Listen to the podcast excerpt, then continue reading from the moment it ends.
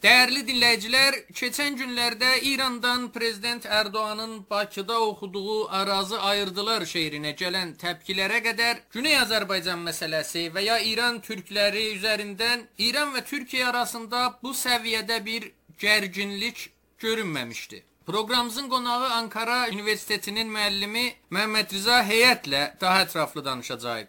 Məmmərcə bəy, bu diplomatik gərginlik, yəni öncə Xarici İşlər Naziri Cəvad Zərifin tweeti, ondan sonra İranın Türkiyənin Tehrandakı səfirini çağırması, bunlar gördükdə ilk öncə, yəni nə hiss etdiniz? Siz təəccübləndinizmi? Əlbəttə bunu mən gözləmirdim. Çünki bilirsiniz Türkiyə ilə İranın münasibətləri e, özəlliklə də son illərdə bəlli bir səviyyədə davam edirdi və Türkiyə İrana qarşı bu ambargolar, yaptırımlar məsələsində də hər zaman İranın yanında yer almışdı və belə bir davranış İrandan gözlənmirdi. Özəlliklə də bu səviyyədə diplomatik çərçivənin dışına çıxmaq və ya nəzakətsiz xitablarla Cumhurbaşqanı Ərdoğana qarşı cümlələr işlətmək və ya e, İranın dövlət və qeyri-dövlət amma dövlətə yaxın mətbuatında yenə də həm Türkiyəyə qarşı, həm e, Cumhurbaşqanı Ərdoğana qarşı karikaturlar və təhqir edici cümlələrin işlənməsi e, gerçəkdən də gözlənilməz idi. Məmmərcə bəy, siz e, sosial mediada bu məsələni dəyərləndirdiyinizdə yazıbsınız ki, İranın bu təpkisi bir tələsik təpki idi, yəni pişməmiş bir təpki idi. Niyə? Yəni orada bir xəta İran baxımından İran bir xəta etdi? Niyə buna deyirsiniz tələsdi? Biz bu məsələnin İran açısından da dəyərləndirə bilərik, Türkiyə açısından da, hətta bölgə açısından da dəyərləndirmək mümkündür.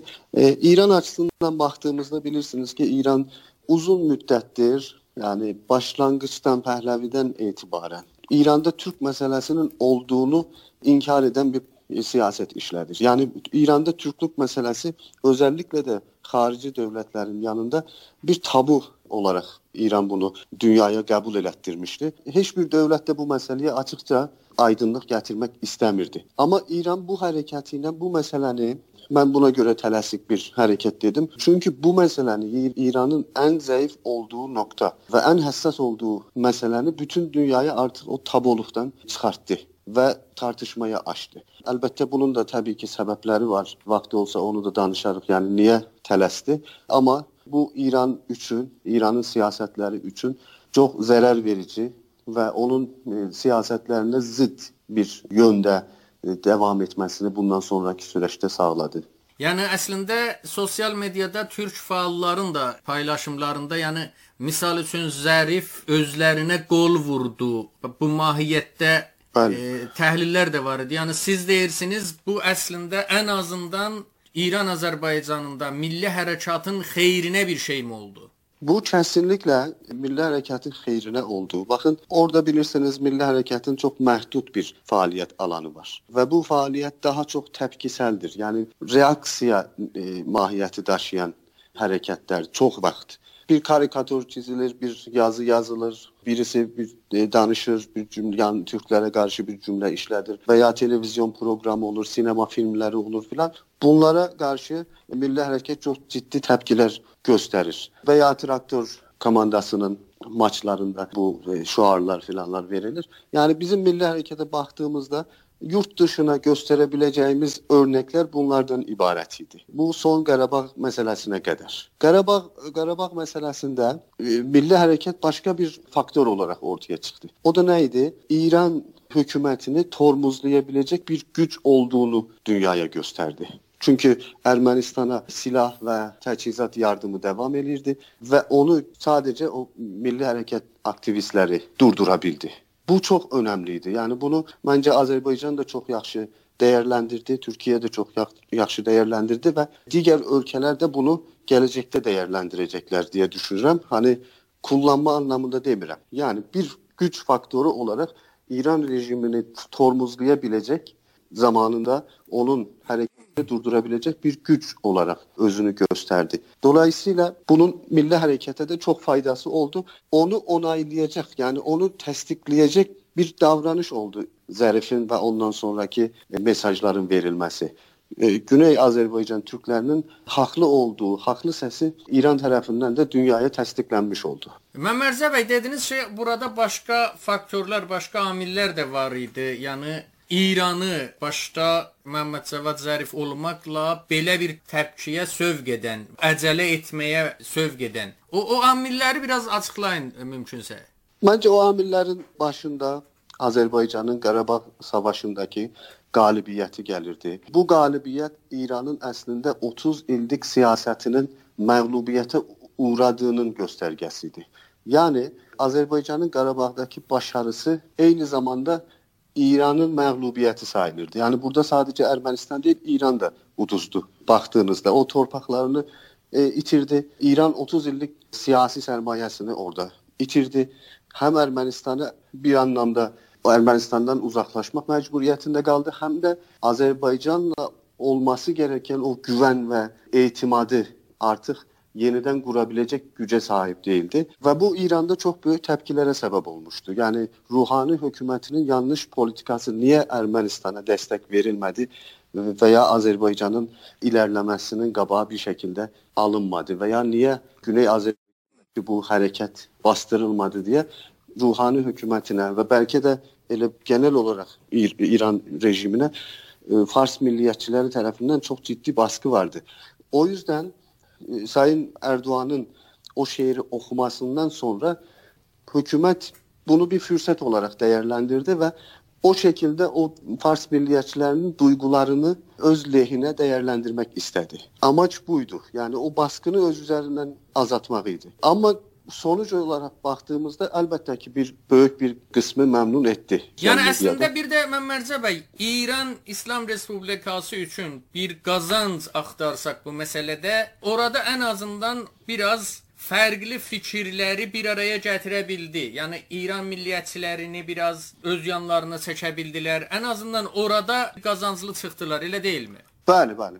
Yəni daxili İranın daxili siyasəti baxımından deyirəm daxili siyasəti baxımından öz aralarında qazancları oldu. Amma ümumi olaraq baxdığımızda, yəni biraz orta vədəli olaraq baxdığımızda mən o tweetimdə də yazmışdım. Burada tərcih məsələsi var. Yəni İranın bütün nüfusunun çıxarları deyil. Onlar Fars toplumunun çıxarları əsasında bir tərcih yaptılar və Azərbaycan türklərinin səsini eşitməməzlikdən gəldilər bu hərəkətlə. Ancaq bunun yurt dışında etkisi çok yani menfi etkisi çok büyük oldu. Ben size bir örnek vereyim. Bu meseleden sonra bir kez daha ispat olundu ki nükleer İran yani atom gücüne, atom bombasına sahip olan bir İran Batı'dan daha çok, İsrail'den daha çok Türkiye ve Azerbaycan için tehlikelidir. Bu bunu gösterdi. Çünkü siz arkadan xəncər yediniz. Yani dost sandığınız, ona destek verdiğiniz, sürekli elinden tuttuğunuz bir ülke en samimi vaxtınızda sizə arxadan xəncər vurdu və sizin bütün siyasi e, şəxsiyyətlərinizi, kariyerinizi, karizmanızı bir anda yox elə eləyəcək qədər özündən cəsarət mi deyim, e, həmaqət mi deyim bilmirəm onu göstərdi. Bir də Məmmərcə bəy, siz yazıbsınız ki, İranın sözdə milli təhlükəsizliyi o qədər zəifdir ki, bir beyt şeirlə bu şəkildə titrəməyə başlayır. Əslində bu bir bayatıdır. Arazı ayırdılar, mili ilə doldurdular. Mən səndən ayrılmazdım. Zor ilə ayırdılar ya zülm ilə ayırdılar. Siz Bəli. eyni zamanda da bir türkologsunuz. Əslində türk fəalların, ya Azərbaycan Milli Hərəkatının istifadə etdiyi bəzi simvol şeirlərə də baxanda biz bunu çox görmürdük əslində. Yəni burada bir şəkildə də bu şeiri də qazandırdılar Azərbaycan Milli Hərəkatına, bu bayatını da. E, mən də elə düşünürəm. Baxın bu ən azından bir 150-200 illik bunun geçmişi var bu şeirin. Hani bunu Bəxtiyar Vahabzadəyə bağlayanlar var, başqa şairlərə bağlayanlar var. Əslində onlar da bu şeiri sizin dediyiniz kimi bir folklorik bir e, əsəri öz şeirlərində işlədiblər bir çox şairimiz. Səhəndidə də e, var bu Araz motifi, Şəhriyarda da var bilirsiniz. Ancaq Araz bizim üçün bir həsrət, bir ayrılıq e, simgəsi idi. Ama indi artık Araz bir başarı simgəsinə dönüştü. Yani bir gurur simgəsinə dönüştü ve umut simgəsinə dönüştü. Yani orada e, aslında Cumhurbaşkanı Erdoğan'ın belki e, İran'ın düşündüğü kimi bir mesaj verme niyeti yok idi. Yəni mən bilirəm ki, əlbəttə hər şeirdə bir mesaj var, amma bu mesaj məncə İranın düşdüyü qədər İranın torpaq bütünlüyünün bölünməsi və ya Güney Azərbaycanın İrandan ayrılması filan mən inanmıram ki, mesajın əsası bu olmuş ola. Amma oradan təbii ki, İrana bir mesaj verilmişdi. Amma İran bu məsələni bu şəkildə algılamaqla əslində göstərdi ki, mənim ən zəif nöqtəm türklükdür. Mən türklük əzmək üçün əlimdən nə gəlsə elərəm. Yəni dostlarımı da sataram, ilişkilərimi də kəsərəm və yetər ki, bu məsələ bizim e, bizim ölkəmizin Azərbaycan bilirsiniz o zərif məsələ əziz Azərbaycan deyə bir term işlətdi ki, o da əslində məncə gözəl ifadələrdən biri idi. Çünki Azərbaycana yapılan bu haqsızlıqlar, ayrımcılıqlar və e, zülmlərin qarşısında zərfin bu kəlməni işlətməsi bir komik bir duruma səbəb oldu. Bu yüzden mən belə düşünürəm ki, İran bu məsələdə daha çox zərərə uğradı. E, milli hərəkət güc qazandı. Türkiyə və Azərbaycan bundan sonraki siyasətlərində İrana qarşı o eski səmimiyyəti göstərməyəcəklər. Əlbəttə ki, ilişkilər davam edəcək, amma artıq İranın çox da əlindən tutan tapılmayacaq. Mən belə düşünürəm. Məmmərzəbə bir də İran parlamentində bir gərginlik oldu. İranlı bir millət vəkili türk bölgələrinin millət vəkillərini də günahlandırdı, tənqid elədi, dedi siz burada Türkiyəyə təpki göstərmədiniz. Ondan sonra Təbriz millət vəkili Şərqi Azərbaycanın sabiq valisi Əhməd Əlirza Beyci Zərifi tənqid elədi. Elə siz dediniz bu əziz Azərbaycan ifadəsini tənqid etdi, dedi sən əməldə Azərbaycanı əziz tutmalısan. Yəni bir dolaylı yollardan türk bölgələrinin bəzi millət vəkilləri Türkiyəni dəstəkləmiş oldular. Bu da daha əvvəl görünməmiş və ya az görünmüş bir olay deyilmiydi? Bundan öncə bu bilirsiniz İran Azərbaycan sınırına ordusunu yerləşdirdi.